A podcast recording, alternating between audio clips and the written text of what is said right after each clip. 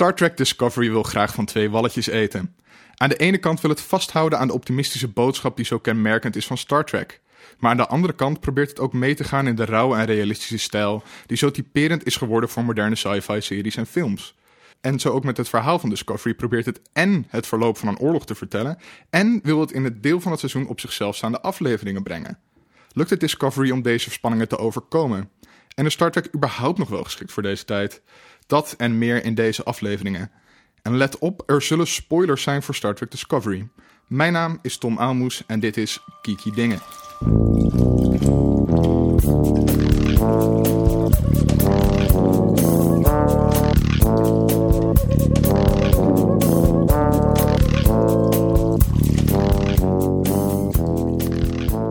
Maar voordat we daar verder op ingaan, wil ik eerst van mijn medegeeks weten wat hen de laatste twee weken is opgevallen qua popcultuur, trailers, series en meer. Sydney, wat heb jij zo al beleefd? Nou, ik heb een heleboel beleefd. Ik uh, ben begonnen uh, op jouw aanraden van uh, vorige keer aan Electric Dreams. te streamen overigens voor mensen die niet illegaal willen downloaden op Amazon Prime. En dat kun je in Nederland tegenwoordig krijgen. Is ook niet eens zo heel erg duur. Wat kost dat, Amazon Prime? 50 euro per jaar. Oh, dus dat valt best wel mee. mee. Ja. Ja. ik geloof wel dat de prijs omhoog gaat over een paar weken. Dus wees er snel bij. We worden niet betaald voor deze reclame. uh, maar Electric Dreams, Philip K. Dick, losstaande verhalen, zogenaamde anthology-serie. Um, ik zal er niet te veel over zeggen, want ik geloof dat wij nog een aflevering gaan maken over Philip K. Dick. En dan kunnen we er wat dieper op ingaan. Verder heb ik gelezen de afgelopen twee weken een geweldig boek. Dat heet Grasshopper Jungle. En dat is een verhaal over een jongen die vooral worstelt met het feit dat hij de hele tijd heel erg geil is. Maar ook dat de aarde eigenlijk um, uh, aangevallen wordt door hele grote sprinkhanen. en uh, het, grappige, het grappige van dat uh, verhaal, behalve dat het heel leuk geschreven is, is dat het ook nog verfilmd schijnt te gaan worden. Dus dat is op zich wel heel opmerkelijk om te gaan zien hoe ze dat in beeld gaan brengen.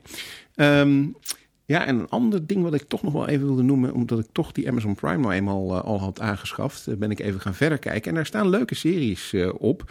natuurlijk ook weer Philip K. Dick series. The Man in High Castle. Precies, The Man in High Castle kun je daar kijken.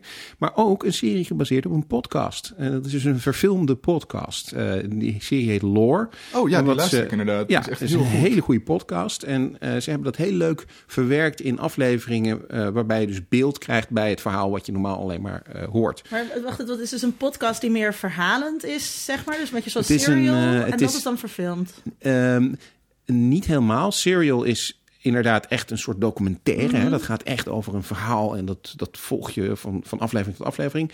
Lore is iedere aflevering een nieuw onderwerp. En dat heeft altijd iets te maken met ehm, nou ja, verhalen die de ronde doen en die een beetje mysterieus eh, eh, zijn. Dus over eh, vampieren of over leven na de dood. Maar dan niet op een, op een hele zweverige manier, maar meer op een manier van nou, waar komen die verhalen dan vandaan en wat is de werkelijke geschiedenis daarachter. Het is erg leuk gedaan. Interessant.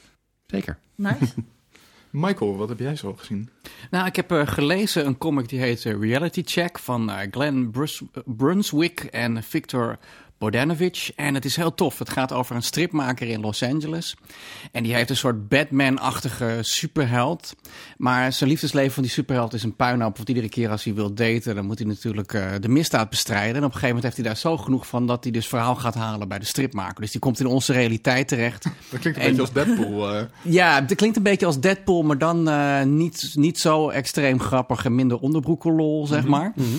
En hij zegt tegen hem, ik wil dat je gewoon een vriendin voor me zoekt, want ik word hier helemaal gek van. Ehm, en dat is heel erg interessant, want die stripmaker die heeft eigenlijk zijn liefde opgeofferd om deze strip te kunnen maken. Dat gaat ook een succes worden, deze strip. Maar onderhuid speelt er gewoon veel meer, want die stripmaker heeft zijn broer en beste vriend ooit verloren door een geweldsdelict. En eigenlijk gaat die strip dus over traumaverwerking op een bepaalde manier. Ik wil er niet te veel van weggeven. Het is eh, een paar jaar geleden bij Image Comics verschenen. Ik heb de trade gelezen. Ik vond het heel erg leuk gedaan. En een, mooi hoe met superhelden eh, psychologische problemen aangepakt kunnen worden, zeg maar. Eh, ehm, wat heb ik nog meer gedaan? Ik heb, eh, ik ben naar Brussel geweest, naar het eh, stripmuseum daar. En daar heb je een expositie panorama van de Chinese strip. En dat geeft eigenlijk een heel goed beeld van wat er in de Chinese strip is gebeurd sinds uh, de 20ste en de 20ste en 21ste eeuw eigenlijk. En uh, dat is gewoon heel fascinerend. Ze hebben een goed overzicht gemaakt. Mooie originele laten ze zien. En uh, het is een hele. Ik wist er niet zoveel van van die Chinese strip. De meeste mensen denk ik niet. En het is gewoon heel fascinerend hoe dat ook werkt, omdat het verbonden is aan de geschiedenis van China. Is het ook heel erg verbonden aan de politiek in China? Ja, zeker. Ik heb ook een stripmaker, of eigenlijk een, een stripkenner daar geïnterviewd en een kunstenaar. Uh, uh, Jin Chen heet hij. En met Jin is dan zijn achternaam, want zo gaat dat daar. Uh, en die ik vroeg aan hem: is, uh, mag je overal over uh, verhalen, mag je alles vertellen? Mag je, mag je kritiek hebben op de overheid en, en dat soort dingen? En zei: Ja, er is geen taboe en er is geen censuur. Dus toen zei ik: van, ja, Mag je dan over de overheid hebben of mag je het over seks hebben? Ja, nee, nee, dat, dat kan dan weer niet. Nee, precies. Ik zeg: Dan heb je dus wel een vorm van censuur. Nee, nee, we zijn gewoon gewend om het daar niet over te hebben, zei hij tegen mij. Dat is wel een interessante double think.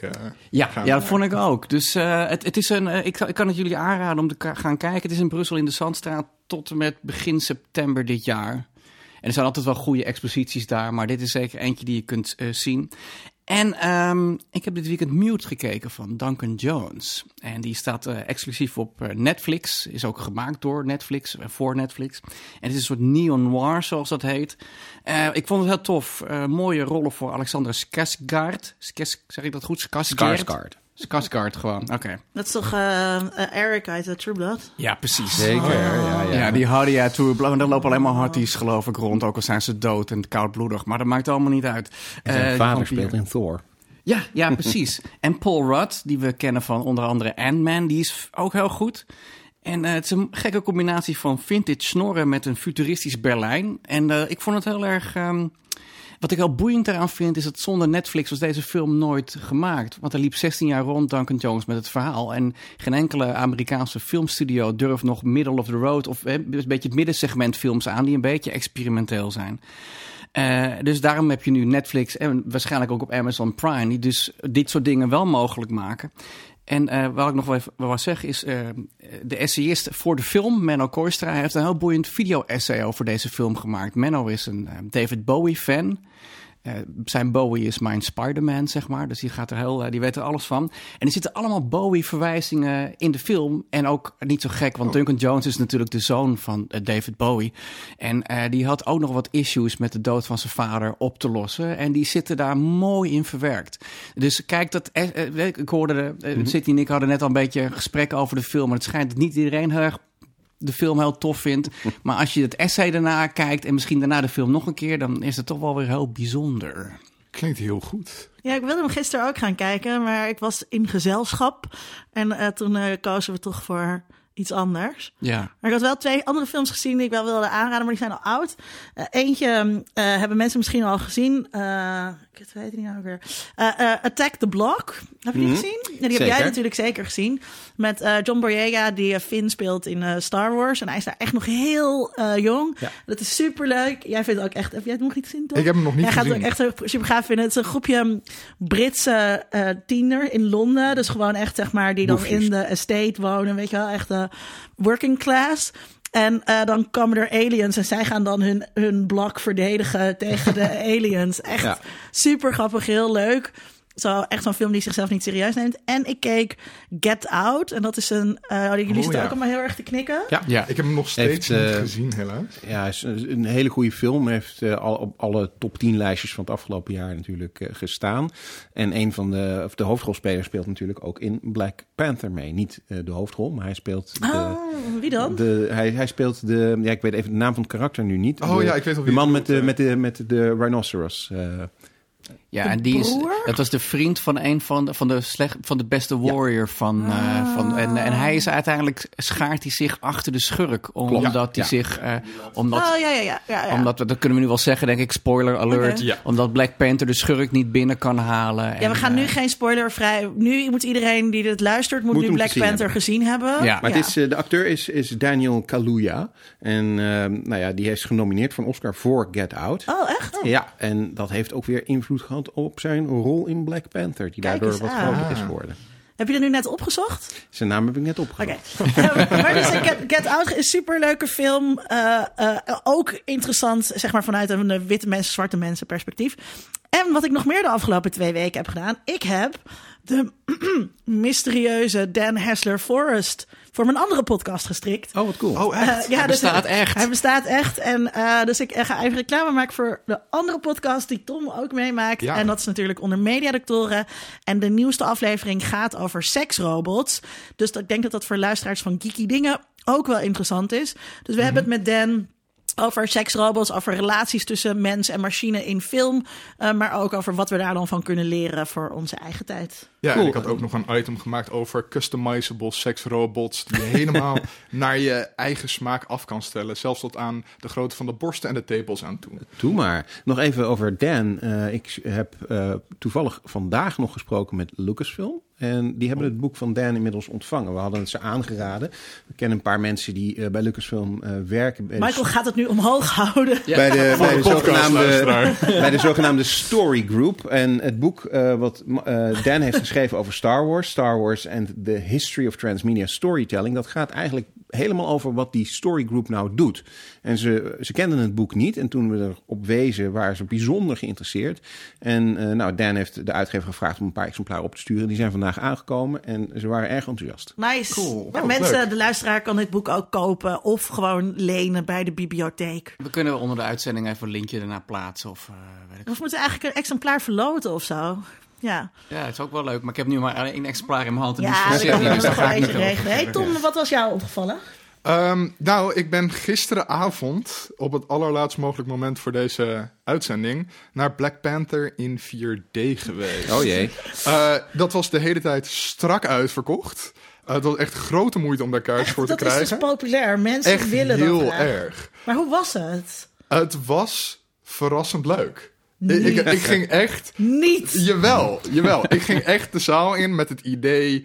oh, dit wordt een beetje gimmicky. Het zal wel Fucking Efteling. een beetje een Efteling-idee. Terwijl de Efteling En- hartstikke leuk is hoor, daar niet van. Ja, ja. ehm, en het, het is ook wel een beetje Efteling. ehm, maar alleen al de reacties vanuit de zaal. Voordat de film dan begint, heb je een soort demootje... waarin de bioscoop even alle features laat zien... van wat de bioscoop kan met een soort eh promofilmpje. Ehm, en de hele zaal was aan het giechelen en schreeuwen en doen. En iedereen was super enthousiast. Omdat je ineens kogels om de oren vliegen... en je krijgt water in je gezicht... en de stoelen gaan alle kanten op tijdens een car chase... Ehm, Maar wat me zo stom lijkt, Tom, is dat je, je beleeft niet ehm, de film. Kijk, als je in een game bent, dan beleef je dat als, een, als, als je een first-person shooter Ja. speelt, dan beleef je alles vanuit het perspectief van één persoon. Maar bij zo'n 4D-bioscoop krijg je zeg maar alles. Dus als één personage door, door, de- door het water loopt, dan voel je het water. En als een ander personage in zijn buik geslagen wordt, dan voel je dat in je rug. Ja, het is bij grote vechtscènes nogal ehm, Heftig. een soort van cacophonie aan indrukken die je over je heen krijgt. Ja. Ehm, maar bijvoorbeeld bij eh, een car chase, bij de car chase scène door Seoul, is het heel erg vet. Je gaat echt mee met hoe de auto door een bocht heen gaat. Je voelt dan een kogel langs je vliegen. eh, net vlak achter je hoofd langs zit een soort luchtspuit.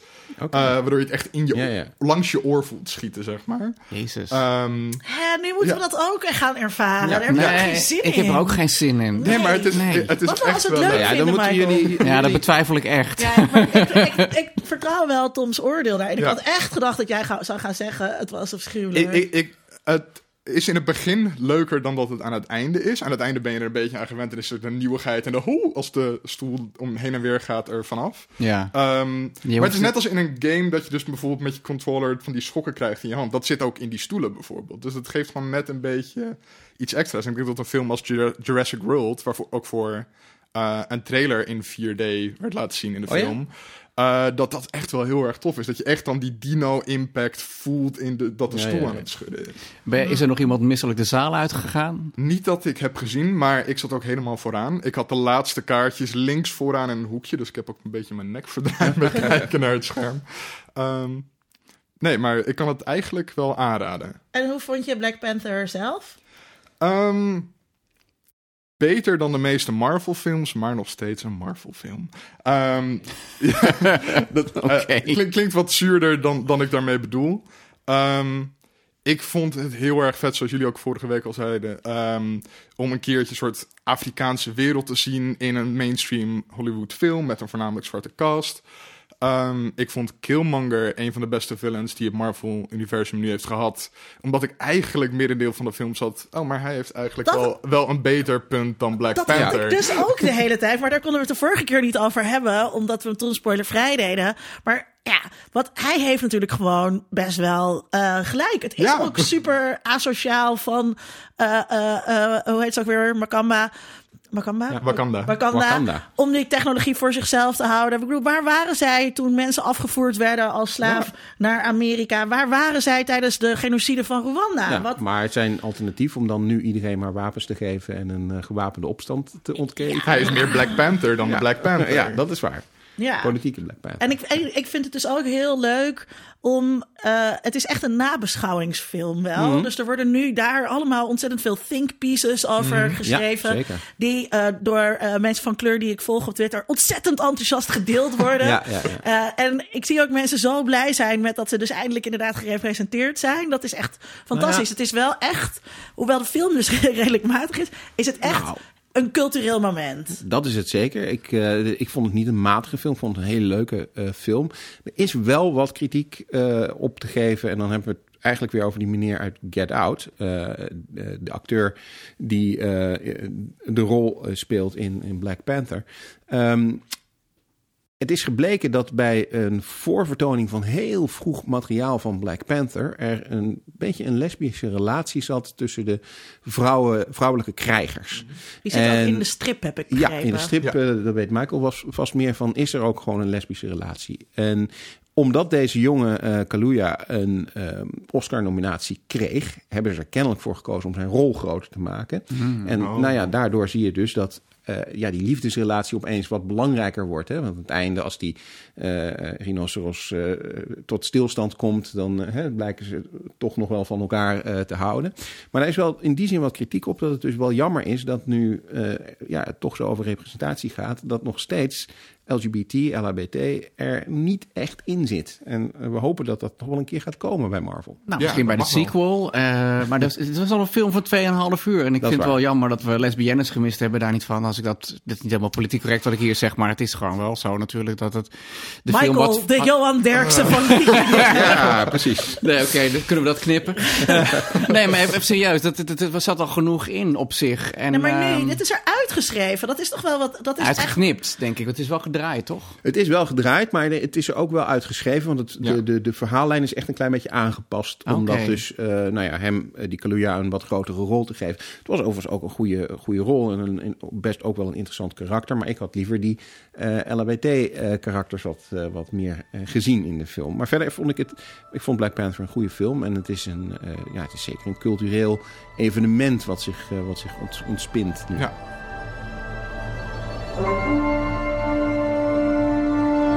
Ehm, ja, zullen we dan door naar Star Trek? Yes, yes. Ja, Star Trek. Discovery. Ja, wat, wat zijn jullie gewoon eerst even een rondje algemene indrukken van het hele eerste seizoen van Discovery? Wat vonden jullie ervan? Ik was zo excited dat er weer gewoon een Star Trek was. Want ik heb echt heel veel Star Trek gekeken. En ik, ik, dus ik vond dat gewoon heel leuk. Dus daar was ik heel erg opgewonden over.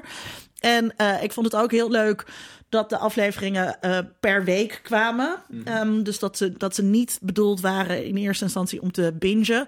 En er was gewoon heel veel dingen die je dan herkent die echt heel Star Trek waren. Dus er zijn dingen die gerecalibrated moeten worden, weet je wel. En shields that are holding en evasive maneuvers in een patroon. En eh, toen de eerste keer dat Black Alert kwam, dat was ik helemaal exciting, want er was nooit een Black Alert. Dus je denkt, Oh, hè, wat is dit? Wat? Black Alert? Eh, en alleen al de tune, die ook heel Star Trek is en zo. Ja, daar was ik echt... Eh, ja, zullen we even een stukje naar gaan luisteren? Laten we het even doen.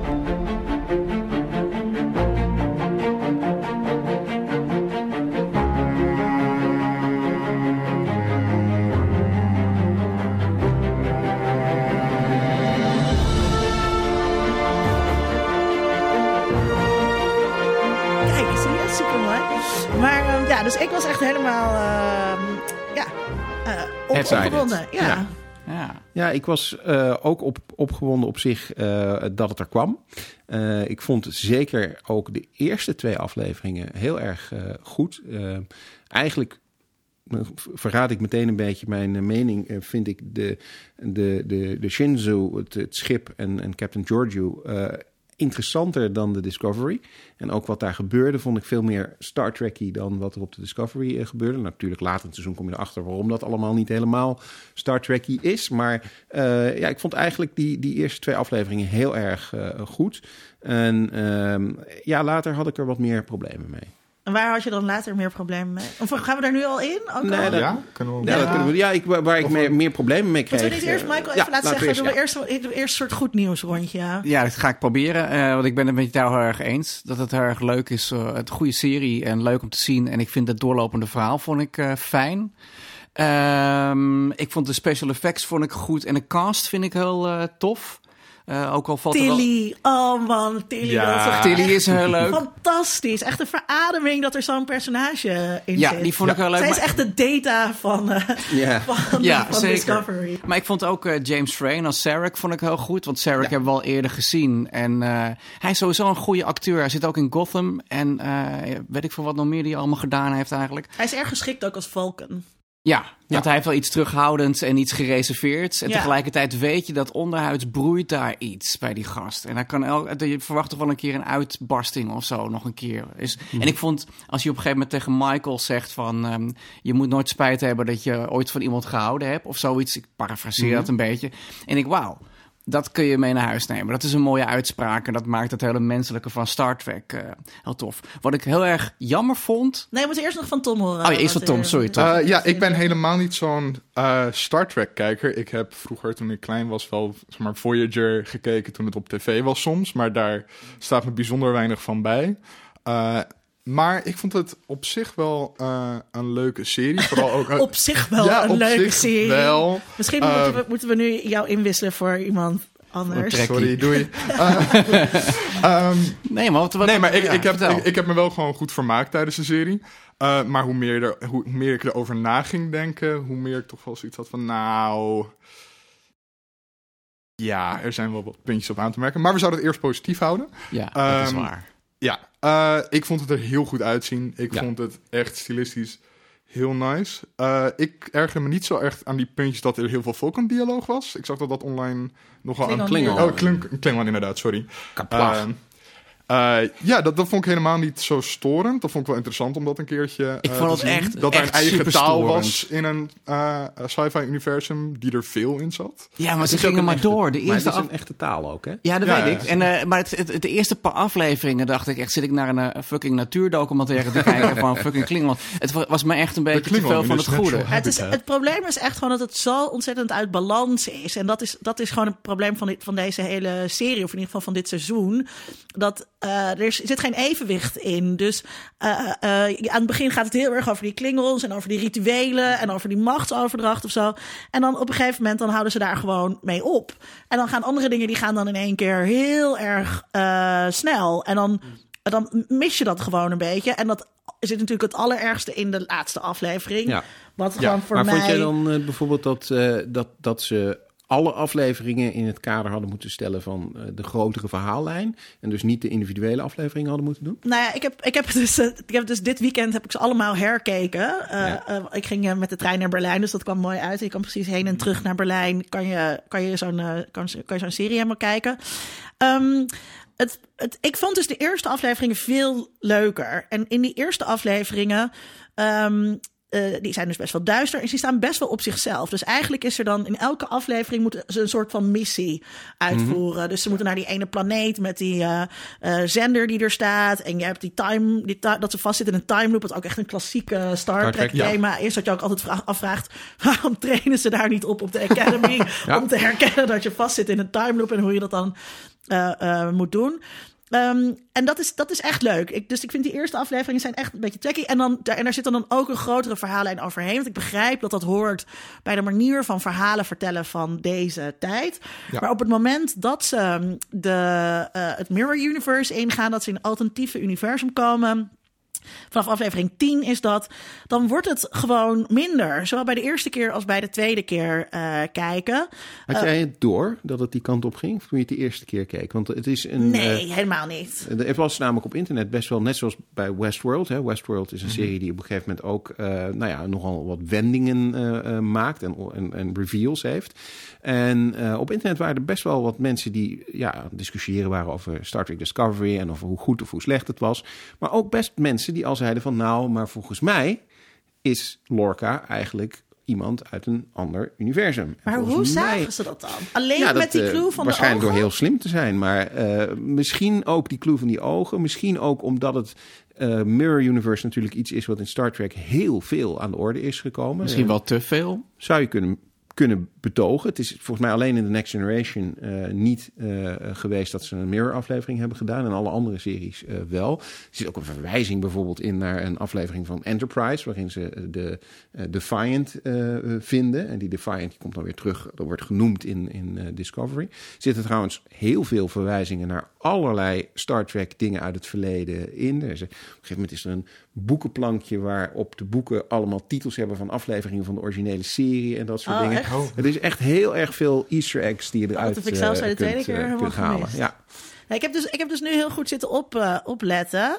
Uh, op die aanwijzingen over. En ik, ik zag het niet. Ik heb dus wel echt. Dus ergens zegt die admiraal bijvoorbeeld dat Lorca niet Lorca is. En ja. toen had ik nu pas door dat hij haar dus ook expres dan uh, uh, op die Klingons afstuurt. Misschien wetende dat ze dan in een, in een hinderlaag loopt. De, ik dacht, ik zag dat al toen ik um, zag voordat ik dacht dat Lorca van een ander universum kwam. Maar ik had wel het idee van, oh, Lorca stuurt haar daar naartoe omdat hij van haar af wil. Ja, want zij, want zij zegt, uh, you're not fit to serve ja. en zo. Dus dat, ja. dat, dat had ik wel door. Maar ik had dus natuurlijk niet door dat uh, hij niet onderzocht mocht worden. Want dat, dat, ja. er, dat, dat het er op die manier aan zouden komen. En ook die switch met Stamets, dat, uh, mm -hmm. uh, dat, dat duurde ook even voordat ik dat allemaal door had. Even Stamets, misschien toch even goed voordat we er zo overheen stappen om te benoemen. Hè? Oh, wacht, maar ik moet eerst wil ik ja? nog even mijn punt afmaken over dat evenwicht in die aflevering. Ja? Oh, ja. want dat is wel, vind ik wel belangrijk. Als ze dan dus in dat, in dat Mirror Universe zijn, dan uh, dat duurt vier afleveringen. En dat is gewoon ja. te lang. En ook dan, wordt het, dan zijn die missies in één keer weg. En dan wordt het gewoon één lang verhaal dat over vier afleveringen gaat. En uh, dat is volgens mij, als je binget, wat jij hebt gedaan, ja. dan is dat best oké. Okay. Maar als je elke week een aflevering kijkt, dan is dat gewoon hartstikke ruk. Dan ja, is het helemaal niet echt, leuk. Uh, ik, ik heb samen met mijn vriendin gekeken en wij zaten echt met de Mirrorverse afleveringen eindelijk er komt een beetje vaart achter. Want wij zaten gewoon, oh, we willen verder met het plot van de oorlog en waar gaat dit heen en hoe gaat dit opgelost worden. Dus elke keer dan die standalone afleveringetjes waarin ze een antennetje moeten recalibreren en er is iets met Saru, was dan alleen maar iets dat een soort blokkade is naar het verhaal dat verder gaat. En dus dat, dat, is echt een soort andere manier van kijken. En die, die, die op zichzelf staande afleveringen, dat wist ik ook niet, maar dat is mij verteld. Uh, uh, misschien door Dan Hessler Forrest. Uh, dat dus um, in Amerika werden die afleveringen. die werden dus allerlei netwerken uitgezonden. Ja. En die werden niet altijd in dezelfde volgorde uitgezonden om de een of andere reden. Dus het kon oh, ja. best zijn dat je dan eerst aflevering 6 te zien kreeg en dan pas aflevering 4. Weird. Dus er mocht eigenlijk geen enkele uh, verhaallijn zijn die boven de afleveringen ging. Nou zit dat in een aantal seizoenen zit dat wel een beetje. Bij Voyager is dat natuurlijk heel duidelijk. Dat zo Deep Space Nine is het duidelijkst. Deep Space Nine ook, ook vanwege die oorlog. Maar dat was dus, en het was een andere tijd van televisie maken. En dus ook een andere tijd van televisie uh, kijken. En um, ik weet dus niet... Ik heb het gevoel dat ze hier beide hebben proberen te doen. En wat ja. mij betreft zijn ze er echt in gefaald.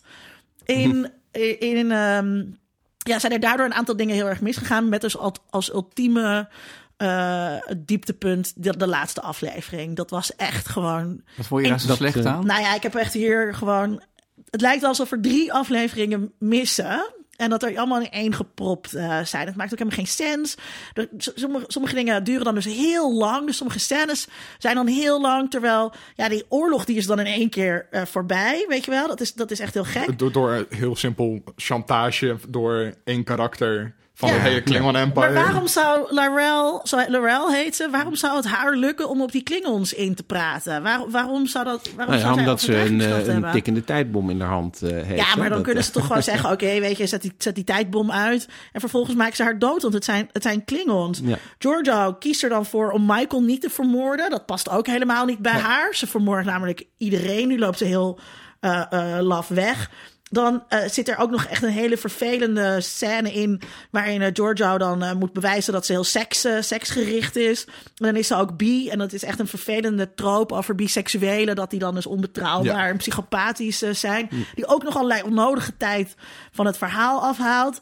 Dan heb je daar. ehm, eh, Clint Howard, waar jij vast iets Ja. over wil zeggen. Nou, die speelt een soort Chinees-achtig personage. Ook heel cli- clichématig, een beetje racistisch.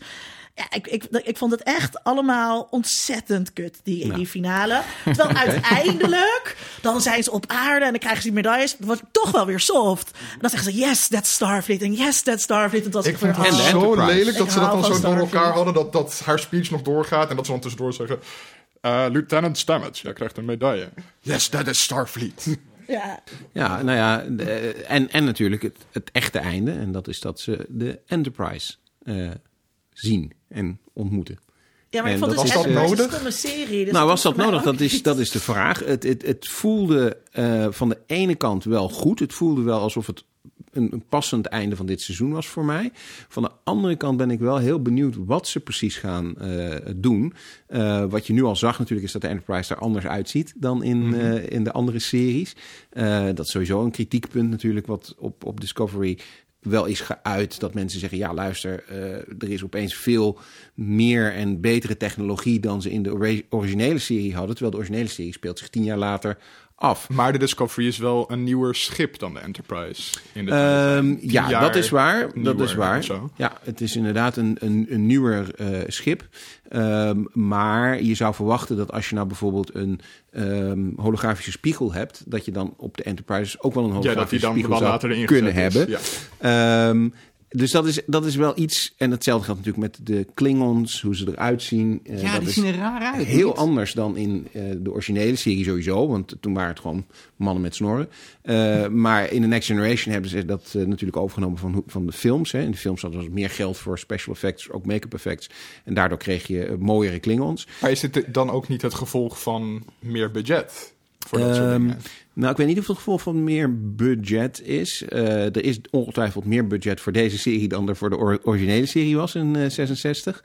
Ehm, maar het is denk ik ook een, een, een, een, ergens een noodzaak omdat je die serie niet eruit kunt laten zien als in 1966 toen er eh, ja, eh, hè, zeg maar eh, opgeplakte eh, eh, snoepjes als, als knopjes van, van de computer werden gebruikt.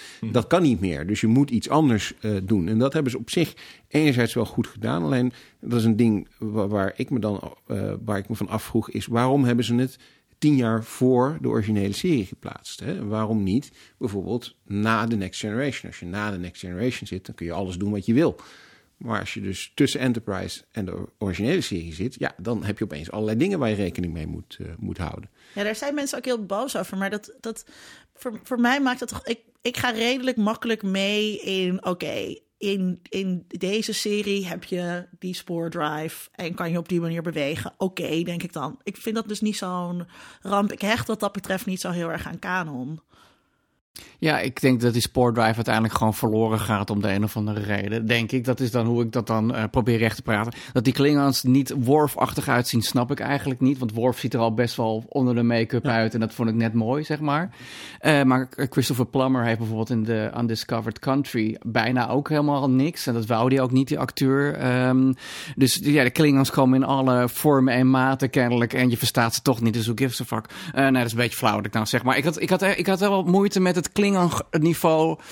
Dat, eh, later vond ik het interessanter. Ik vond wel de pilot heel goed. Want ik vind eh Michelle uh, Yeoh vind ik tof dat ze die hadden gecast als, eh, als de captain, zeg maar. Ja. En dat gaf een hele andere flavor aan wat het... het weet je wel, het- we hebben wel Janeway gehad, maar dat is toch een heel ander soort captain dan, eh, dan zij.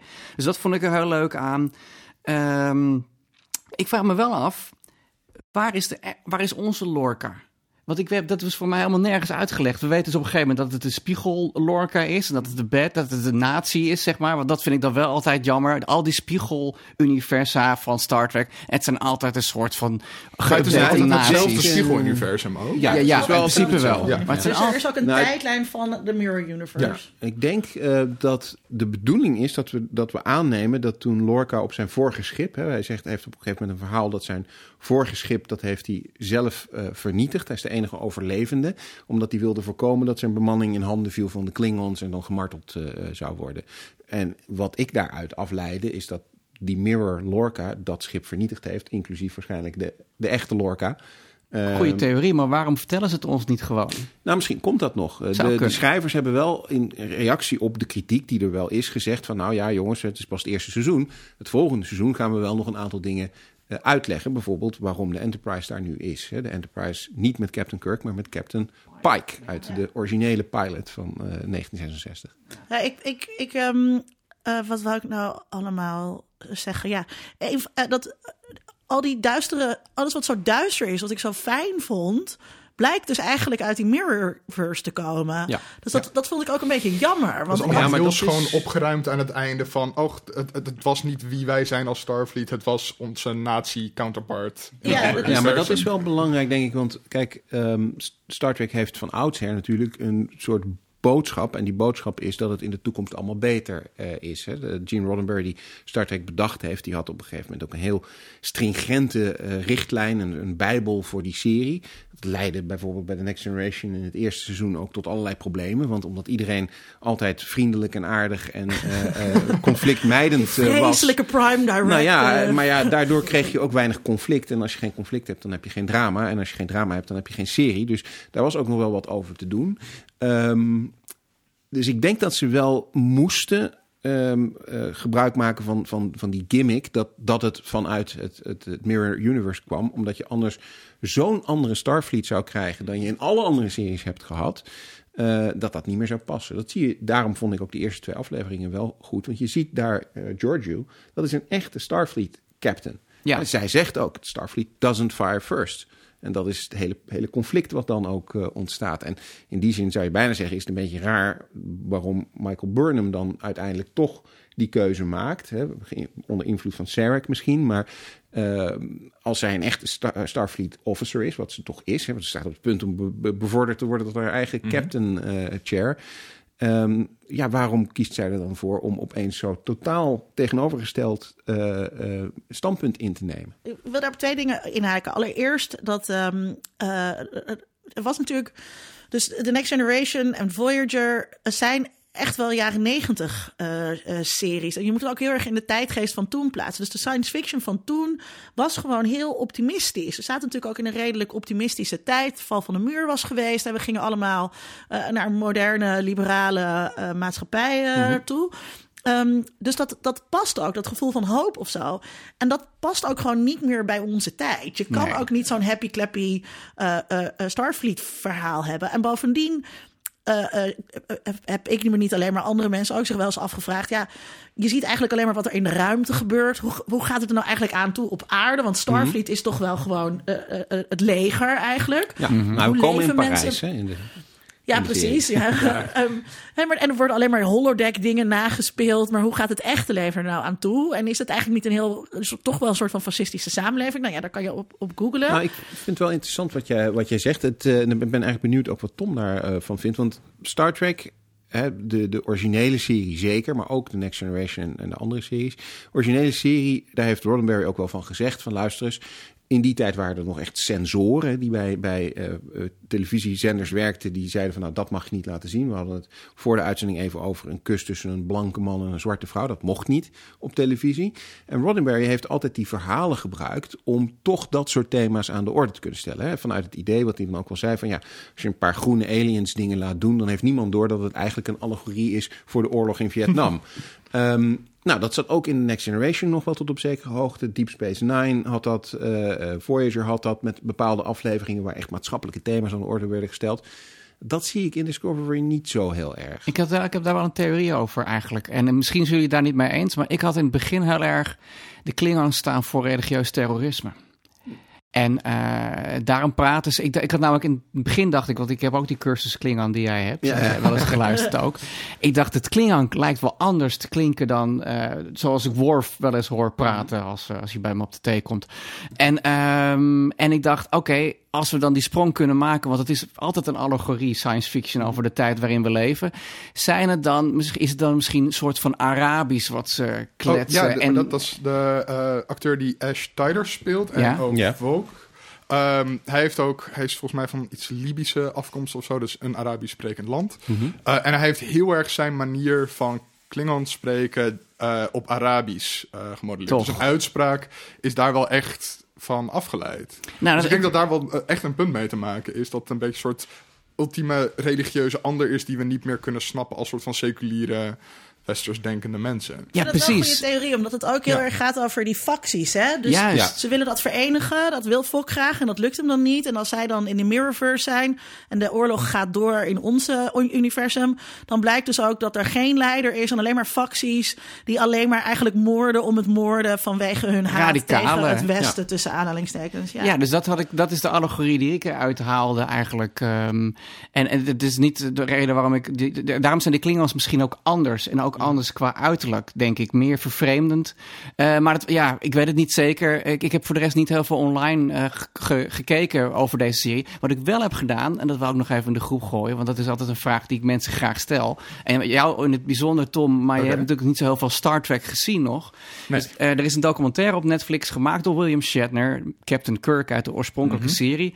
En dan gaat hij alle captains gaat hij langs van alle series. En dat is dus, dus hij gaat bij zichzelf langs, zeg maar. Maar hij praat ook met Patrick Stewart en met eh, Scott Bakula. Het is een van mijn favoriete acteurs. Misschien niet een van mijn favoriete captains, maar omdat hij Quantum Leap heb gedaan, eh, sta ik voor eeuwig bij hem in het krijt.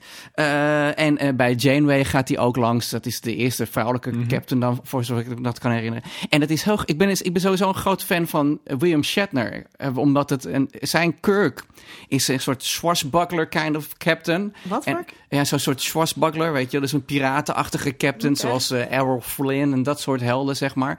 En hij is eh, eigenlijk een roman... eh, weet je wel, er is bijna geen vrouwelijke alien waar zijn tong niet in heeft gestoken, zeg maar. Ehm, eh, zo, zo, zo, weet je wel, dat is dan niet de prime directive. Kennelijk mag je wel met iedereen French kissen in het, in de universe. Dat is allemaal goed.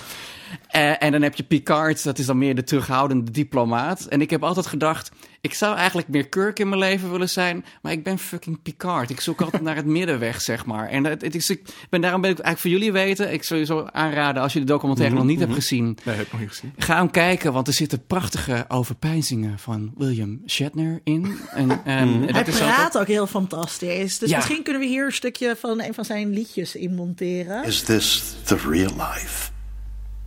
Is this just fantasy? Caught in a landslide, no escape from reality.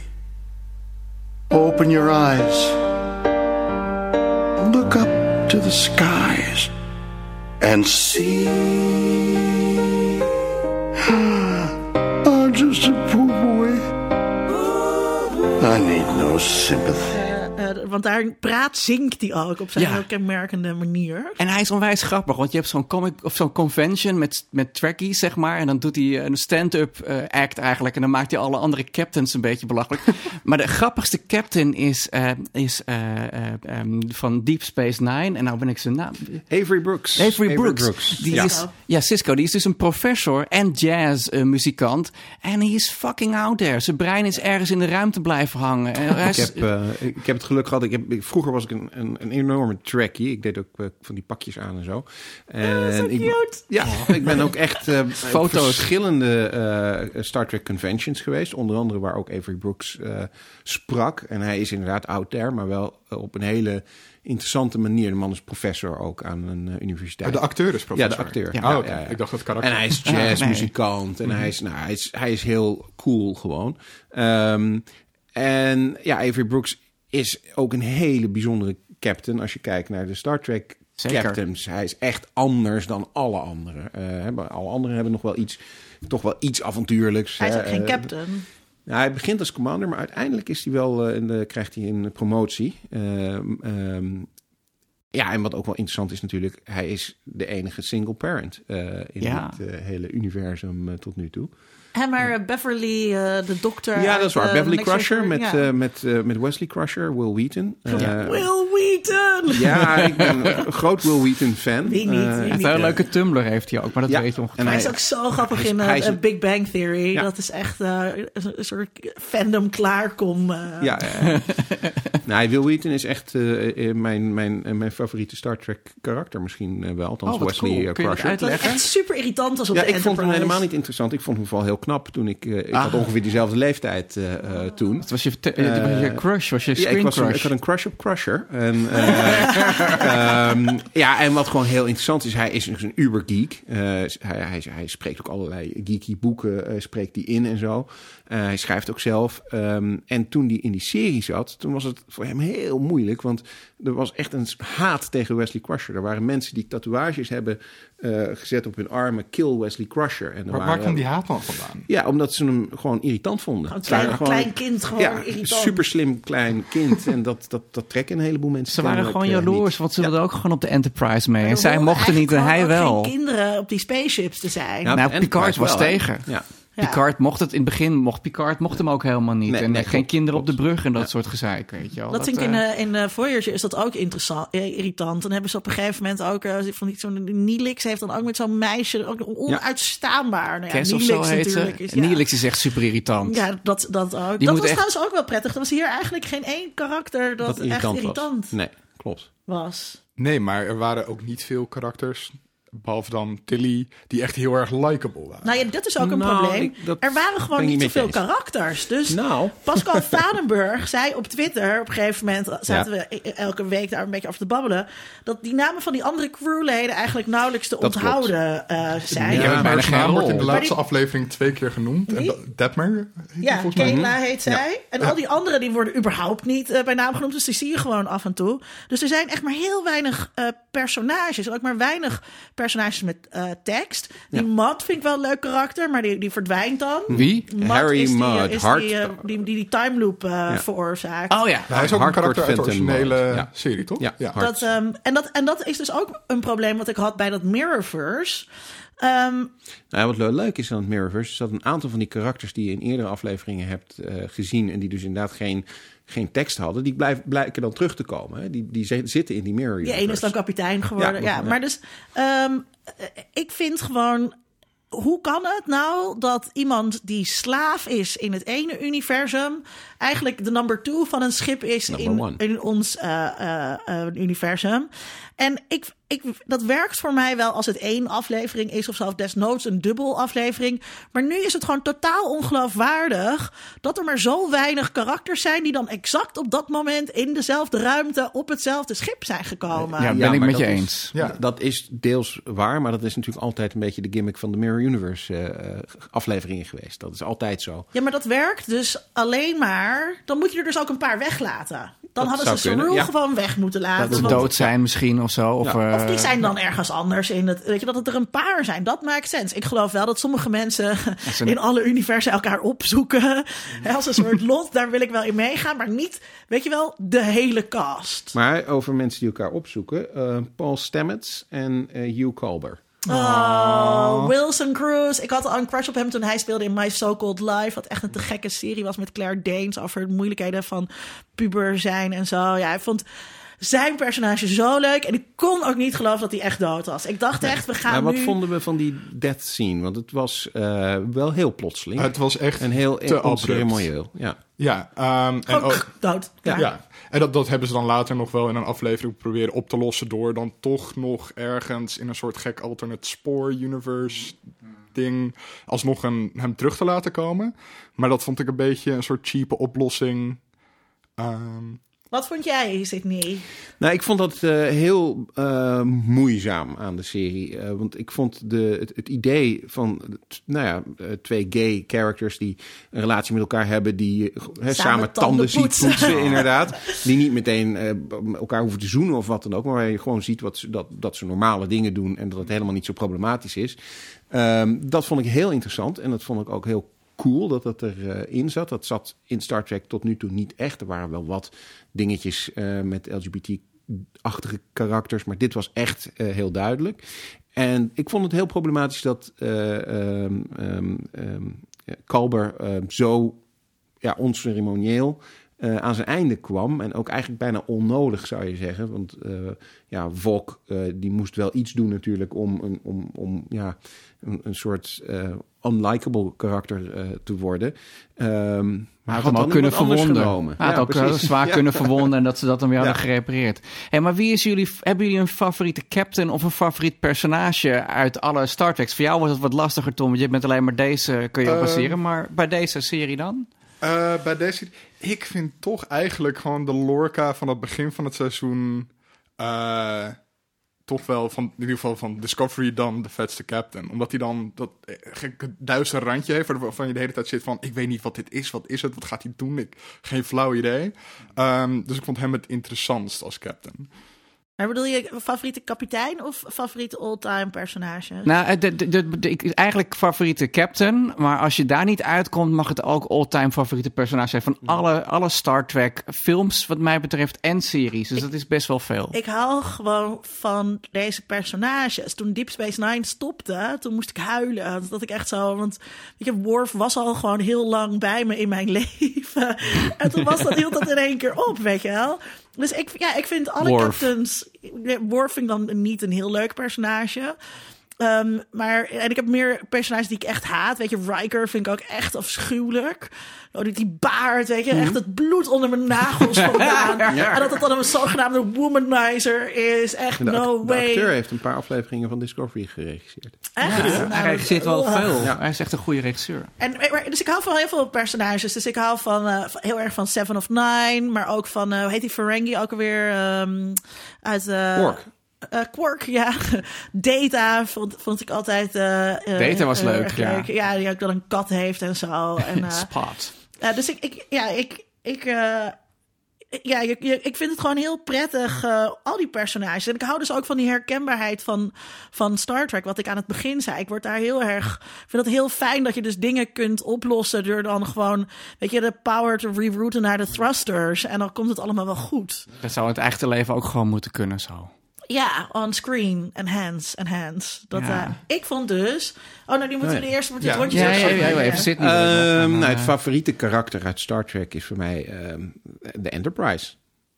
Het, schip. schip. Het Eh, daar gaat het eigenlijk eh, natuurlijk in Wat de meeste Star. Trek-series eh, Ja. om. Ehm, en ehm, ja, dat is, dat is ook echt wel een karakter, vind ik, in de, in de serie. Eh, mijn favoriete captain is, is Picard. Maar dat is gewoon omdat ik denk Vond ik... je niet dat ze nu veel minder liefde voor het schip hadden? Nou, wacht even. Waarom, waarom Ja. Nou Picard? ja, dat komt Waarom omdat ik Picard? ehm, ehm, ja, eigenlijk met The Next Generation echt eh, ben opgegroeid. De or- originele serie, die, die keek ik wel. Die was toen op de Belgische televisie. Dat keek ik wel. Maar The Next Generation, dat was echt nieuw en gaaf. En dat, dat volgde ik helemaal. Ehm, dus ja, dat is een beetje mijn, mijn captain. En daarom hou ik ook wel van Picard. Ik vind het ook trouwens gewoon een hele goede acteur. En ik vind Ja, Patrick eh, Stewart. Ja. ja, The Next Generation ook een hele goede serie. Vooral de wat latere seizoenen, moet ik erbij eh, zeggen. Ehm, maar de Enterprise is een, is een favoriet karakter. Ik ben ooit op de brug van de Enterprise geweest. En op de brug van de Voyager. En ik ben op de setbezoek geweest bij Deep Space Nine.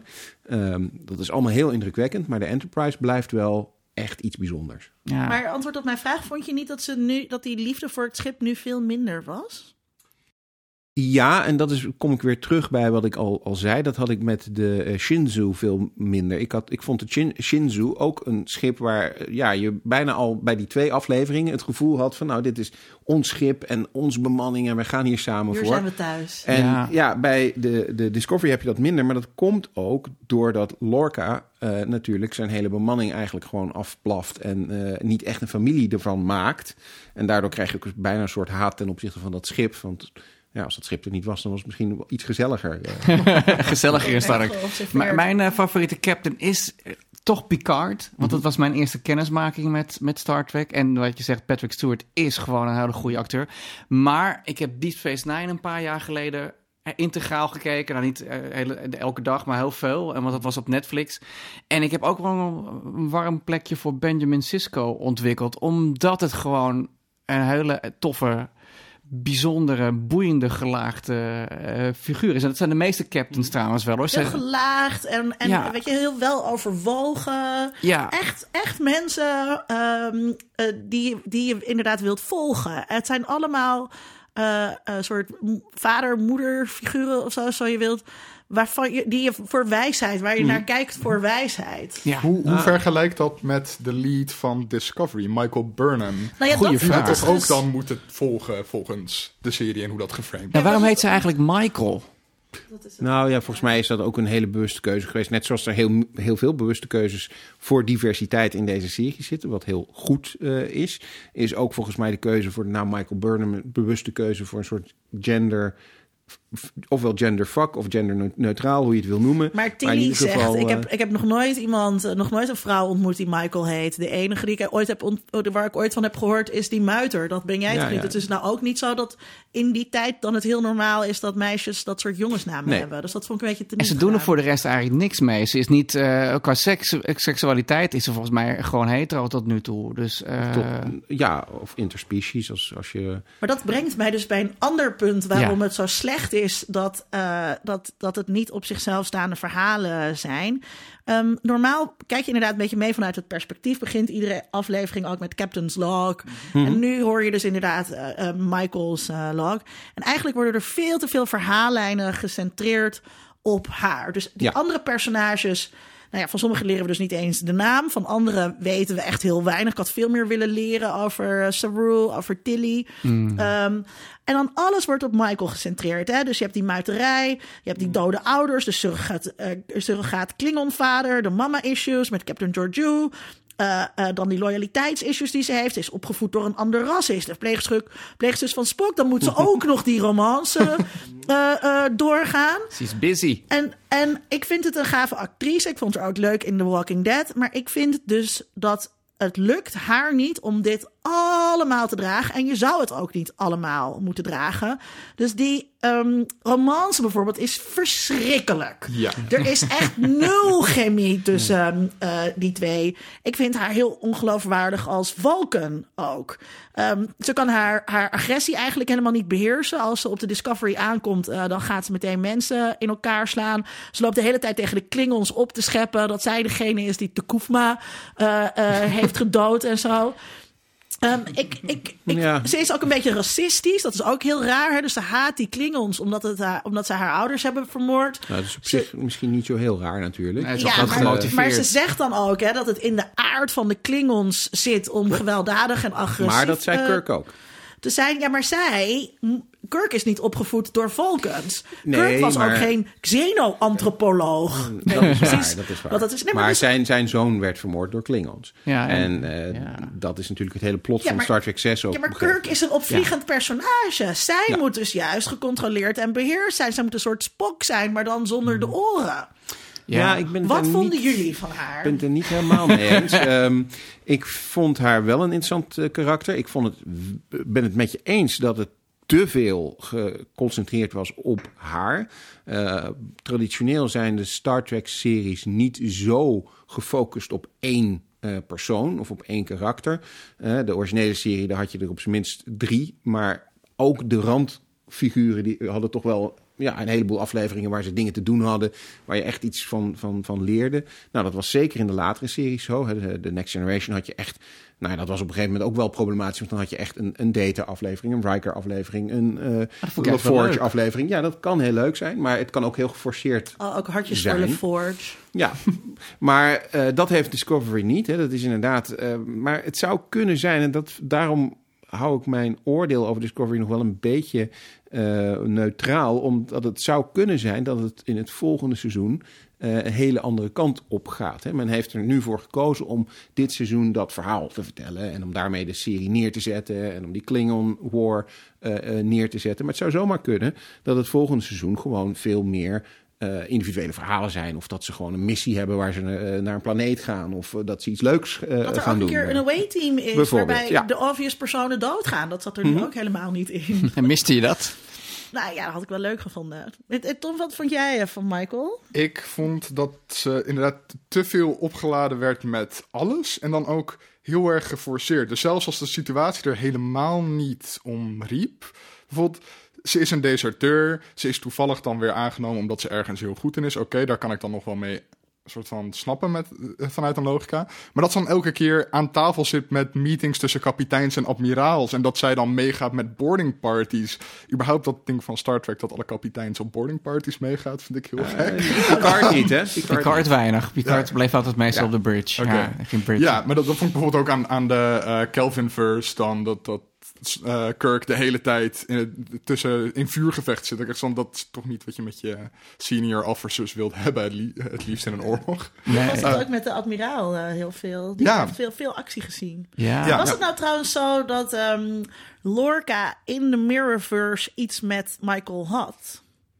Ja, Ja, dat werd wel gesuggereerd. Of werd zelfs gezegd. Ja, Want, nee, ja, ja. Ze, ze, wa- ze was overgelopen van de Emperor omdat ze... Die haar moeder was in de Mirrorverse? ja, ja, precies. Maar Ja, ik trouwens... adoptieve moeder, Adoptieve moeder, ja. Overigens, ik ben het helemaal met jullie argumenten allemaal eens. Maar daar wil ik tegenover stellen dat het. Kijk, we hebben al zoveel Star, eh, 700 uur Star Trek geproduceerd voordat ze aan deze serie begonnen. Dat is echt ontiegelijk veel. Dus deze heeft wel een heel andere flavor gekregen door deze narratieve keuzes die gemaakt zijn, good or bad. En dat vind ik dan, wat ik dacht eigenlijk moeten we in godsnaam... Ik zit er niet echt te wachten op een nieuwe Star Trek toen het aangekondigd werd. Maar ik ga het wel kijken, want ik ben wel een Star Trek fan. En ik ben wel benieuwd. En ik denk, wat kunnen ze daar nog doen? Nou, ze hebben dus toch met, ze zijn toch met aparte wendingen gekomen. En dat vind ik toch Nou, wel maar, weer goed. Maar dat is zeker waar. Want ik denk dat je, eh, of in ieder geval voor mezelf geldt zeker, dat ik het eh, achteraf, hè, als ik het terugkijk van wat ik nou gezien heb, en ik heb veel afleveringen naar twee keer eh, gekeken. eh, is het gewoon een interessante serie waar ik met plezier naar gekeken heb. En waarvan ik ook helemaal niet het gevoel heb van... goh, ik heb mijn tijd zitten verdoen. Of deze hadden ze maar beter niet kunnen maken. Nee, ik vond het Eh, hartstikke ja, leuk. dus Ja, en we moeten ook niet vergeten Ja. dat heel veel van die oude series, die zijn natuurlijk ook gewoon, zijn ook helemaal niet zo heel goed. Nee, dat, en dat is natuurlijk waar. ook waar, we het, waar, we- waar we het de vorige keer al over hadden. Ehm, eh, wij vergeven natuurlijk ook gewoon heel veel, omdat we het zo leuk vinden. Dus op het moment dat je fan bent van die series. Ik denk als jij, als jij naar de Next Generation gaat kijken, Tom, dat je gewoon echt gaat Begin zien bij- wat, begin wat bij een seizoen knulligheid. ja, en dat is ook, en ook de, Ja. eerste twee, de eerste twee seizoenen Voyagers, ook, die zijn ook eigenlijk helemaal niet leuk. Als je Maar dat weer- is, daarom zei ik net, hè, van wat, ge- wat gebeurt er nou het volgende seizoen? Want het is inderdaad een euvel van Star Trek-series. Dat is zeker ook bij de Next Generation. Ik zou zeggen, sla de eerste twee seizoenen bijna over, want die zijn echt niet zo goed. Nee, begin bij de Borg. ja, daarna wordt het een stuk beter. Eh, ze moeten vaak Oh, de hun draai... Eh, ook hartjes voor ja, de Borg ja. Queen. Maar ze moeten vaak hun draai vinden. En dat had je bij Voyager en dat had je bij de, eh, The Next Generation. Dat vond ik overigens bij, ehm, ehm, dat had je ook bij Enterprise. Maar bij Deep Space Nine vond ik dat het minste. Dat vond ik eigenlijk vanuit de eerste aflevering meteen super sterk. Dat, dat, dat hele conflict wat er ook neer wordt gezet. Dat hij zijn vrouw is kwijtgeraakt door de aanval van Locutus. Die in, hè, Picard was. En dat Picard hem komt opzoeken. En dat ze dan ook Ja. ruzie eigenlijk hebben met elkaar. En Picard snapt niet goed waarom. Ja, ik vind Deep Space Nine is gewoon echt heel erg goed geschreven. Dus daar kun je vanaf het eerste seizoen eh, al, al kijken. Maar het zou best kunnen zijn dat bij Discovery ook zoiets speelt. Hè, dat je dus inderdaad het eerste seizoen later oordelend zegt van... nou, het eerste seizoen dat was een beetje om, om erin te komen. Maar nu komt het echt. Dus mijn opmerking aan het begin van de uitzending dat het misschien niet van deze tijd is, dat, dat is gewoon meer dat het nog moet aanpassen aan hoe het past nu. Ze moeten ook nog wennen Ja. aan de tijd. En, en ik, ik kan nu me echt kan ik helemaal gelukkig worden als ik eraan denk dat er dus misschien nog zeven seizoenen komen Ja. van Ja. deze serie. Maar Michael, jij hebt ook nog naar Aftertrack gekeken volgens Ja, mij. ik heb een paar afleveringen Aftertrack gekeken. Eh, de eerste en de laatste. Wat, Ja, wat de is eerste, Aftertrack? de eerste heb ik afgezet en ik kwam er niet doorheen. Ik ook Nou, niet. het is, Toen dacht eh, ik, dit wil ik echt niet. Ik kan niet. Nee. Je hebt net zoals bij Stranger Things heb je dan na de uitzending heb je een soort, eh, eh, is soort een programma. Oh, Ja, ja. ja. Ja, en dan komen wat schrijvers langs en wat acteurs. En ik vond die presentator het heel aardig doen. Best eh, witty was hij ook. Ben zijn naam weet ik even niet. En na twee afleveringen had ik dat ook wel gehad. Had dat gekeuvel. En eh, wat ik er leuk aan Heel vond... Amerikaans. Ja, tuurlijk. Ze zaten zo popiopie. Lekker klef, lekker klef. Maar eh, ik, wat ik wel leuk eraan vond, is dat ze dan de fans er heel erg proberen bij te betrekken. Dus je ziet af en toe wat fanart voorbij komen en wat cosplayers. En daar hou ik gewoon heel erg van. En ze hebben ook wel vragen uit het publiek. En er kwamen soms wat leuke vragen bij.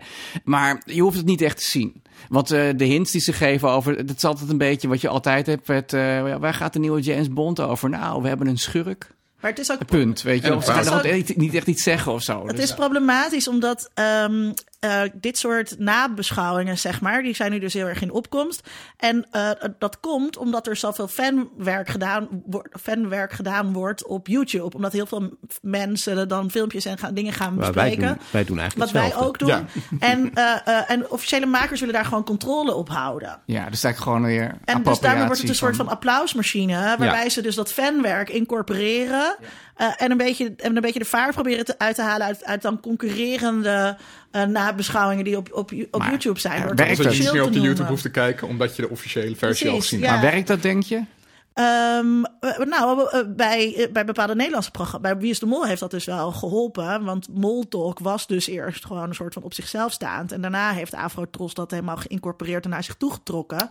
Ehm, dus ja, dat is een interessant voorbeeld van strijd bij, tussen fans bij en Big producers. Brother volgens mij al. Hè? Dat, dat, eh, Bij Big Brother had je al nages... Ja, eh, ja. Ik heb Maar- een student die er een scriptie of een bachelor thesis over gaat schrijven, wat ik wel interessant vind. Nou, dat vind je ik wel moet tof. zeker deze aflevering. Ja, die moet, nee, die moet misschien wel een keer in de uitzending komen dan, als die uh, klaar eraan is. eh, hoe, goed, Hoe goed die het wordt. Ja, als jij het voor voldoende geeft en zo, dan... Dat, eh, maar maar, maar het, het- ik vind het dus een heel interessant eh, nieuw fenomeen. Dat heel erg dus ook weer gaat over die relatie tussen fans en makers, die, die altijd een beetje schuurt. Ja, er is trouwens nog wel één ding. We hadden het net een beetje over de oorspronkelijke Star Trek. Eh, En ik zeg natuurlijk, The Next Generation was mijn eerste kennismaking. Maar die waren in de jaren tachtig vooral hele toffe Star Trek films. Met de oorspronkelijke crew. Met Klopt. Kirk en met Bones en met, heb ik met veel meer gezien dan de, dan Ja. de, dan de Ja, dat begon afleveringen. eigenlijk. eh, hè, je had eh, oorspronkelijk natuurlijk de, de originele serie in 66. Over problemen met het eerste seizoen eh, gesproken. Dat werd na één seizoen eigenlijk van de buis gehaald. En alleen maar door fan-interactie. Want er waren fans die brieven gingen schrijven. Is dat weer eh, teruggekomen. Dus het heeft van oudsher heeft Star Trek altijd een soort interactie met fans gehad. Hè? De conventions waar mensen naartoe gingen. Ehm, nou ja, en op een gegeven moment was het afgelopen. Na 79 afleveringen was er niks eh, meer. En toen zei de studio ook van nou, we zijn er klaar mee. Ehm, en op een gegeven moment kwamen er succesvolle science fiction films. eh, zoals Close Encounters of the Third Kind en Star Wars. En toen dacht eh, Paramount, die de rechten had, van nou, dat kunnen wij ook. We hebben hier nog Star Trek in de kast eh, liggen. En ze waren al bezig met het ontwikkelen van een nieuwe televisieserie. Dit zou Phase 2 gaan heten. En dat is uiteindelijk de motion picture geworden. Nou, de motion picture, ik vind hem heel erg cool. maar er zijn heel veel mensen die er niks aan vinden. Omdat hij heel langzaam en heel ja, ja, cerebral eh, is. Waarom is die toen Ehm, als film uitgegeven en niet als serie? Was dat gewoon puur om te concurreren met Ja, dingen als Star Wars? cash. Star Wars, Cash, ja. ja. Oké. Ja. En ehm, na die film hebben ze het over een hele andere boeg gegooid. En dat is eigenlijk wat we allemaal als Star Trek films kennen, namelijk The Wrath of Khan. En dat is op zich natuurlijk super cool, want ze nemen een, een, een karakter uit een aflevering van de originele serie en die komt dan terug. En dan eh, blijkt dat opeens een heel ander verhaal te zijn geworden. En dan wordt het een soort wraak tussen hem en, en, en Kirk. Eh, gewoon een hele goede film, hele goede muziek ook. Ja. eh, hele nautische muziek. Hè. Dat, dat hoorde ik wel bij, bij Star Trek. Het is een beetje nou, eigenlijk zijn het gewoon eh, ja, schepen eh, in ruimte. Uh, ruimteschepen. Ja, precies. Ja, hey, daar, daar moest je even over nadenken. Ehm, en nou ja, van daaruit, omdat die films zo succesvol waren, hebben ze besloten om dan ook maar weer terug te gaan naar de televisie. En toen kwam Next Generation en the rest is history. Ja, maar hoe tof, hoe tof was die interactie met Kirk en, en Spock en Bones? En vooral ook in de, in de in- ik weet het nog, in Star Trek 5 gaan ze kamperen. Dat is heel grappig. en dan Hele doen ze slechte film. Row, row, row je boot. Ja, door William Shatner. Hoewel, het thema van die film is wel weer heel erg interessant. Dat, dat ze, een alien geeft zich uit voor God. En heel veel mensen trappen daarin. En, En, dan... het is een broer van Spock. Dus Spock heeft en een zus Sarek. en Nee, een heet broer. hij ook weer? Heet hij Sarek? Nee, Nee, Sarek is de vader. Ja, vader. Ik ben even zijn naam kwijt. Maar eh, het, het grappige is dat wat ik. Ik ben toch wel een William Shatner fan ook wel. Eh, ja, niet zozeer van zijn muziek, maar wel van zijn acteren. Want op een gegeven moment dan wil God dus eh, dat ze hem opkomen halen. En dan zegt Kirk zoiets van: What does God need with a starship? En hij is de enige die daarover nadenkt. Dat vond ik heel tof. En wat ik heel tof vond was zijn doodscène in Generations. Eh, dus dat is de zevende, wanneer de Next Generation Kirk ontmoet, zeg maar. It was... It was Fun. fun. Ja, precies. En, en in, de, in de Captains legt hij dus helemaal uit hoe hij daarop kwam. En dat, dat vond ik een heel tof stukje over hoe acteurs nou eigenlijk te werk gaan. Want eh, Kirk die vertelt dan, of Shatner vertelt dan aan Mulgrew, geloof ik. Want dat gaat dan over leven en dood. Hoe zie jij de dood? En Kirk, de Shatner die denkt van, nou, ik ga eerst nadenken hoe ik daar zelf tegenover sta. Hè? Wat, zou, wat zou er gebeuren op het moment dat je sterft? En had er een voorbeeld dat hij bijna een keer flauw viel of zo. En dan dat het zwart voor zijn ogen werd. En dat probeerde hij dan terug te halen. En dan probeert hij dat te vertalen naar hoe zou Kirk dat ervaren? Maar Kirk die kijkt naar de wereld met, en naar de ruimte naar, met verwondering, zeg maar.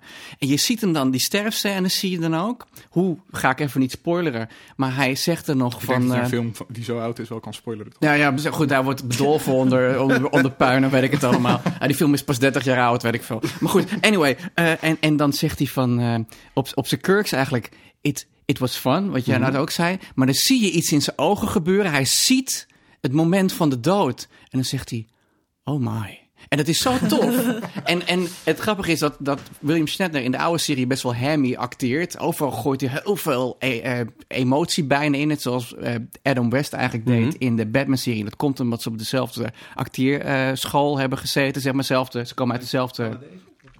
Nou ja, dit is dezelfde eh, acteermethode moet ik eigenlijk zeggen. Ze hebben voor mij niet zelf, samen op school gezeten. Want eh, Shatner is inderdaad een Canadees. De, de beste Amerikanen zijn Canadees, lijkt wel af en toe. Maar dat, maar dat is gewoon heel... En dan, als, ik weet dat Shatner eigenlijk een lul kan zijn, hoor je wel eens, hè, achter de schermen. Maar als ik hem dan aan het werk zie, denk ik... Fucking Kirk is, het is gewoon fucking Kirk. Is gewoon hij- hij voordat is wel Tom een, het eh, eh, gaat, eh, gaat terugpakken, en want ik denk dat hij dat zou gaan doen, wil ik nog Ja, even... was ik wel van plan. Moeten we nog even zeggen dat George Takei fantastisch is? Want je had het over Oh My. George is fantastisch. Dat moeten we nog even zeggen. En ook een van mijn favoriete personages. Die, En Brad, zijn vriend. Die is man. ook Ze zijn fantastisch. getrouwd inmiddels. Eh, eh, een van de favoriete dingen aan, aan Star Trek is ook dus dat je terugkerende personages hebt die dus inderdaad lang- en dan heb je Q. Q Mhm. is toch denk ik wel een van mijn favoriete personages van alle series John of all time. Ja. Tom, ga je het nu terugpakken? ik, was, ik was op zoek eh, naar Google om Q te googlen. Nou, nog even, wat, als we het over Q hebben. Laatste Q is, eh, is, is, is, is, is interessant. Die is namelijk op het laatste moment in de pilot van The Next Generation erin geschoven. Die hoorde eigenlijk helemaal niet in dat eh, verhaal. En het is natuurlijk een soort god. God die een oordeel velt over de mensheid. En wat ze dan wel heel mooi doen, is dat die in de laatste aflevering, All Good Things Must Come to an End, daar is het weer Q en weer dat oordeel over de, eh, ja, de mensheid. En eh, nou ja, het is een fantastische eindscène natuurlijk als Captain eh, Picard dan aanschuift bij de pokertafel bij de rest van zijn bemanning. En dan zegt hij van nou, dat had ik veel vaker moeten doen. En dan gaan ze poker spelen. Hè? Five card stud, nothing's wild, the sky's the limit. En dan is het afgelopen. Dat is Dus- ook zo mooi dat, dat Picard zich dus kan meten met Q. Met Ja. zo'n met zo'n omnipotent wezen, maar ook met de Borg Queen. Ja. En ook weer met zijn bemanning aan tafel schrijft om te pokeren dan. Ja, maar ja, daar, ja, daar kan ik ook nog wel heel veel over zeggen. Maar dat, maar gaan we volgens niet mij zijn we al een tijdje bezig, toch? We zijn nu een uur en een kwartier bezig. Oh, dat valt nog wel mee. Ja. Nou ja, dan kan ik nog wel zeggen dat er toch best wel veel afstand precies. was tussen, tussen, eh, eh, Q- eh, tussen Picard en, en zijn bemanning. Die had toch best wel een redelijk duidelijke hiërarchische structuur. Janeway ook. tussen, tussen Patrick Stewart en de crew, of de cast zelfs. Dat vertelt hij dan ook in de Captain's laatste anekdote. Eh, hij komt natuurlijk van een klassieke Shakespeareaanse achtergrond. Ja, hele En- deftige Britse acteur is het. Ja, en dit was zijn eerste tv-serie. En tussen de Toen opnames... tv gewoon nog echt de allerlaagste status had. Dat moeten we ook niet vergeten. Hè? Ik bedoel, Nee, tv dat is heeft waar. nu eh, eh, een beetje dankzij series als The Sopranos en The Wire... is het nu oké om te zeggen dat je... Ja. dit- maar Star Trek toen eh, was- was hij zegt ook- echt ja. lage cultuur. Hij zegt ook in, de, in die, in die documentaire zegt hij van I was slumming it. Dus het is echt inderdaad, hij denkt van nou, dit, eh, dit moet ik een tijdje doen. Het gaat, gelukkig gaat die serie toch nooit een succes worden. Dus ik kan hier even naartoe en dan kan ik weer terug naar het echte Naar het werk. echte werk, ja. Little maar op een gegeven moment spreekt... het- Dus de rest van de cast die doet, eh, maakt grapjes tussen de opnames door. En Picard... En op een gegeven moment roept Stewart ze allemaal bij elkaar en zegt... Jullie moeten godverdomme serieus zijn. Want dit is de rest van de crew, van de mensen die de lichten ophangen... die zijn heel hard aan het werk voor ons. En jullie lopen maar een beetje te gengappen. en op een gegeven moment zegt hij... Heeft, zegt hij dus tegen, tegen Kirk ook van... Ik heb ervan, eigenlijk van de rest van de cast geleerd... dat je het goed kan doen, maar dat je toch lol kan hebben. En, en er zitten nog wel veel, er zitten eigenlijk heel veel wijze levenslessen in die documentaire. Dat is nou ook het opeens beseffen. Maar we dat is hadden het heel over. Discovery. Nou, Ja, dat is ook dan meteen wat ik de komende tijd ga doen. Ja, ik ga dat kijken. Daar heb ik nu al zin in. Ja, en misschien ook wel om eh, Deep Space Nine eh, te gaan herkijken. Want ik, heb, ik had Next Generation al wel helemaal herkeken en Voyager dus ook. Niet zo, niet zo heel Mhm. Enterprise niet geleden. vergeten. Nee, ik vind Enterprise echt, kom op zeg. Nee, Ja, kijk, en nee. die, en, die, en die gast associeert dus alleen maar met Quantum Leap, wat ik een hele leuke serie vond. Maar ik kan hem niet aan als kapitein. En dat die tune Ja, Oh. die tune is, is inderdaad, zoals Misschien jij kan, dat zo... kan Tom die eh, er ook even in diplomatiek Ik zal, ik zal hem hieronder zetten. Maar of, of misschien ook maar niet, want dan Mhm. wil niemand verder luisteren. Zijn er nog andere dingen waar je naar uitkijkt de aankomende weken, Linda? Nee. Nou, dat is Dat was snel. Michael, Ja, ik ben mijn- strip- en boekenkast aan het reorganiseren. En dat betekent dat ik eerst al mijn Spider-Man comics op chronologische volgorde heb gezet. En dat is best een klus, maar dat is qua periode meer, want anders lopen al die Hoe series door stonden ze elkaar. dan eerst? Nou ja, ze stonden eerst redelijk goed, maar dan komen er opeens een nieuwe planken bij met nieuw materiaal. Want dat Maar moet dan stonden ze eigenlijk eerst niet tussendoor. chronologisch? Nou, deels niet, nee. Ja, dat is echt wel ernstig. En ik ben dus aan het. En ik kijk heel erg uit naar de, de, de. Ik heb dus allemaal strips en boeken ontdekt. die ik al jarenlang geleden gekocht heb. maar die ik nog steeds moet lezen. Die ga ik de komende tijd ga ik me daarop concentreren. En daar heb ik heel erg zin in. veel plezier. Dankjewel. Sydney. Nou, er zijn een paar dingen waar ik naar uitkijk. Eh, dingen die op eh, Netflix gaan verschijnen, zoals eh, Lost in Space. Eh, De trailer kwam, kwam daarvan uit. Eh, het zag er, vond ik, wel heel erg eh, leuk uit. Annihilation, eh, een film die enorm goede recensies krijgt en die hier Oh, in ja. Europa... Portman, hè? Ja, die hier in Europa meteen op Netflix gaat Straight ik verschijnen. zag dat, ik zag dat die de, Netflix. de meest thoughtful science fiction Ja. film zou moeten zijn sinds Arrival. Ja, dus daar ben ik bij- bijzonder benieuwd naar. En laten we niet vergeten, ehm, eh, komend weekend, als deze aflevering eh, bij jou, de luisteraar, komt, eh, dan heb je nog een paar dagen om een kaartje te kopen voor Comic Con in Rotterdam. En daar kan je allerlei geeky dingen gaan eh, zien, eh, kopen. Je kan je verkleden. Er zijn allerlei cosplayers. Je Eh, kan daar waarschijnlijk ook Sydney in actie zien. Inderdaad, misschien dat je er nog mensen van deze podcast tegenkomt. Ehm, maar Comic-Cons in Nederland die zijn de laatste jaren een beetje in opkomst. Rotterdam heeft een, een hele leuke. Je hebt er eentje in Amsterdam, je hebt er eentje in Utrecht. En ik zou iedereen aanraden om op zijn minst één keer naar zo'n Comic-Con te gaan. Er komen ook acteurs. Eh, dat zijn dan acteurs die eh, in Star Wars eh, één alien gespeeld hebben met een enorm masker, zodat je ze überhaupt nooit hebt kunnen Dat vind ik dus herkennen. ook zo zielig voor die Klingons. Eh, Ja. die, die hebben toch best wel... Fok heeft toch wel goed geacteerd. Ja, je ziet, weet niet hoe hij eruit Nee. ziet. Nee, jawel, want hij wordt gespeeld door dezelfde acteur als Ash Tyler. Niet. Ja, Volk is Ash Tyler. Ja, dat is waar. Ja. dezelfde acteur. Nee. Ja. En dit, ja. dat was ook een, een- van de spoilers voor sommige mensen die zeiden van ja, eh, die Ash is natuurlijk gewoon een Klingon spion, want het is dezelfde acteur. Oh, dat wist ik niet. Hey, waarom denk jij dat die, dat die eh, conventies zo populair geworden zijn? Eh, ik denk dat het golfbewegingen zijn. Vroeger toen ik eh, begon met mijn Star Trek fandom, toen organiseerden wij ook conventions. En dat was ook wonderbaarlijk succesvol. Ik weet nog dat we er op een gegeven moment eentje georganiseerd hadden waarvan we dachten, nou er komen een paar honderd mensen, er kwamen een paar duizend mensen op af. Dat was de tijd van The Next Generation Voyager, X-Files, pre-internet. en nu heb je Netflix, eh, Amazon, eh, noem ze allemaal maar op, Videoland, die allerlei fantastische dingen uitzenden. eh, ja, waar mensen gewoon nu de toegang toe hebben, die ze kunnen kijken. En die ze met elkaar willen delen. En niet alleen op internet, maar ook gewoon echt met elkaar delen. En zeker die cosplayers, dat is echt een hele hechte gemeenschap. Heel queer, heel, heel cool ook. Eh, mensen maken er fantastische eh, veel werk van. En ehm, ja, als je vaker naar die Comic Cons gaat, is het ook echt een soort warm bad waar je in terecht komt. Het zijn allemaal mensen die je herkent en die hele nieuwe cosplays hebben en zo. Het is, eh, ja, het is leuk. Ik denk dus dat het te, te maken heeft. Kijk, fans zijn voorlopers hè, van mediagebruik. Dus, dus het is voor iedereen heel interessant om te zien wat fans. Eh, doen. En ik denk dat het te maken heeft met een, met een hernieuwde behoefte aan nabijheid en fysiek bij elkaar zijn, die te maken heeft dus met het internet. Hè. En fans waren dus de mensen die echt het internet gingen koloniseren, die daar als eerste gemeenschappen en fora eh, gingen vormen. En dan was het heel fijn als jij als klein jochie uit Limburg eh, daar dan, dat was je niet zo klein Ja. misschien, maar kon communiceren met andere, met andere fans die misschien niet bij jou op school zaten.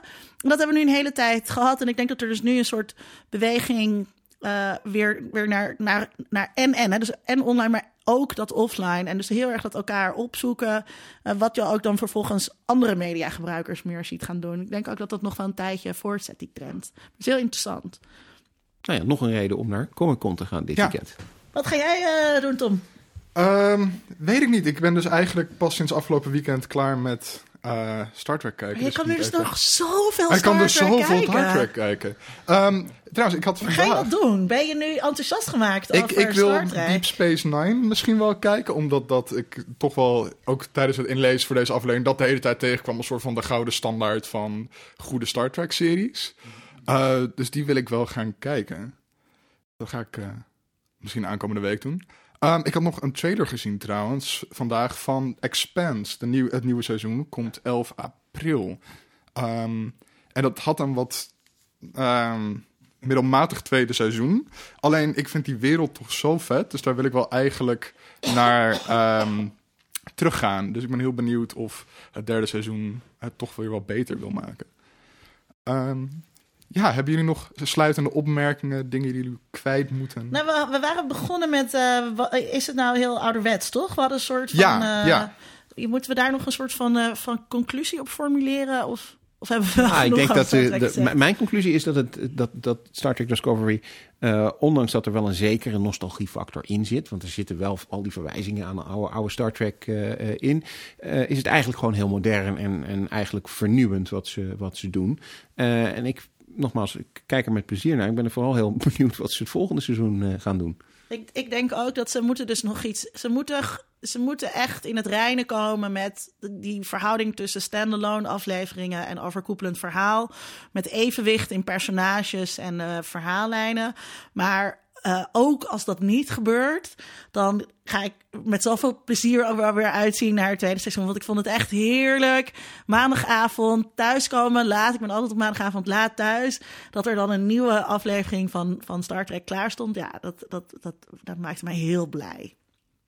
Ik heb er weinig meer aan toe te voegen. Live long and prosper, guys. Live long and prosper. Ehm, ja, en eh, vergeet natuurlijk ook niet eh, al onze social media te liken. Eh, we hebben een Facebookpagina, we hebben een Instagram-account, we hebben een Twitterpagina. Eh, en je kunt op iTunes een recensie achterlaten. En dat helpt eh, niet alleen ons, maar vooral ook je andere mede-geeks om ons te kunnen vinden. Dus eh, eh, word interactief. Live long and prosper. En als je ons niet vijf sterren geeft, dan sturen we de Klingons op je af.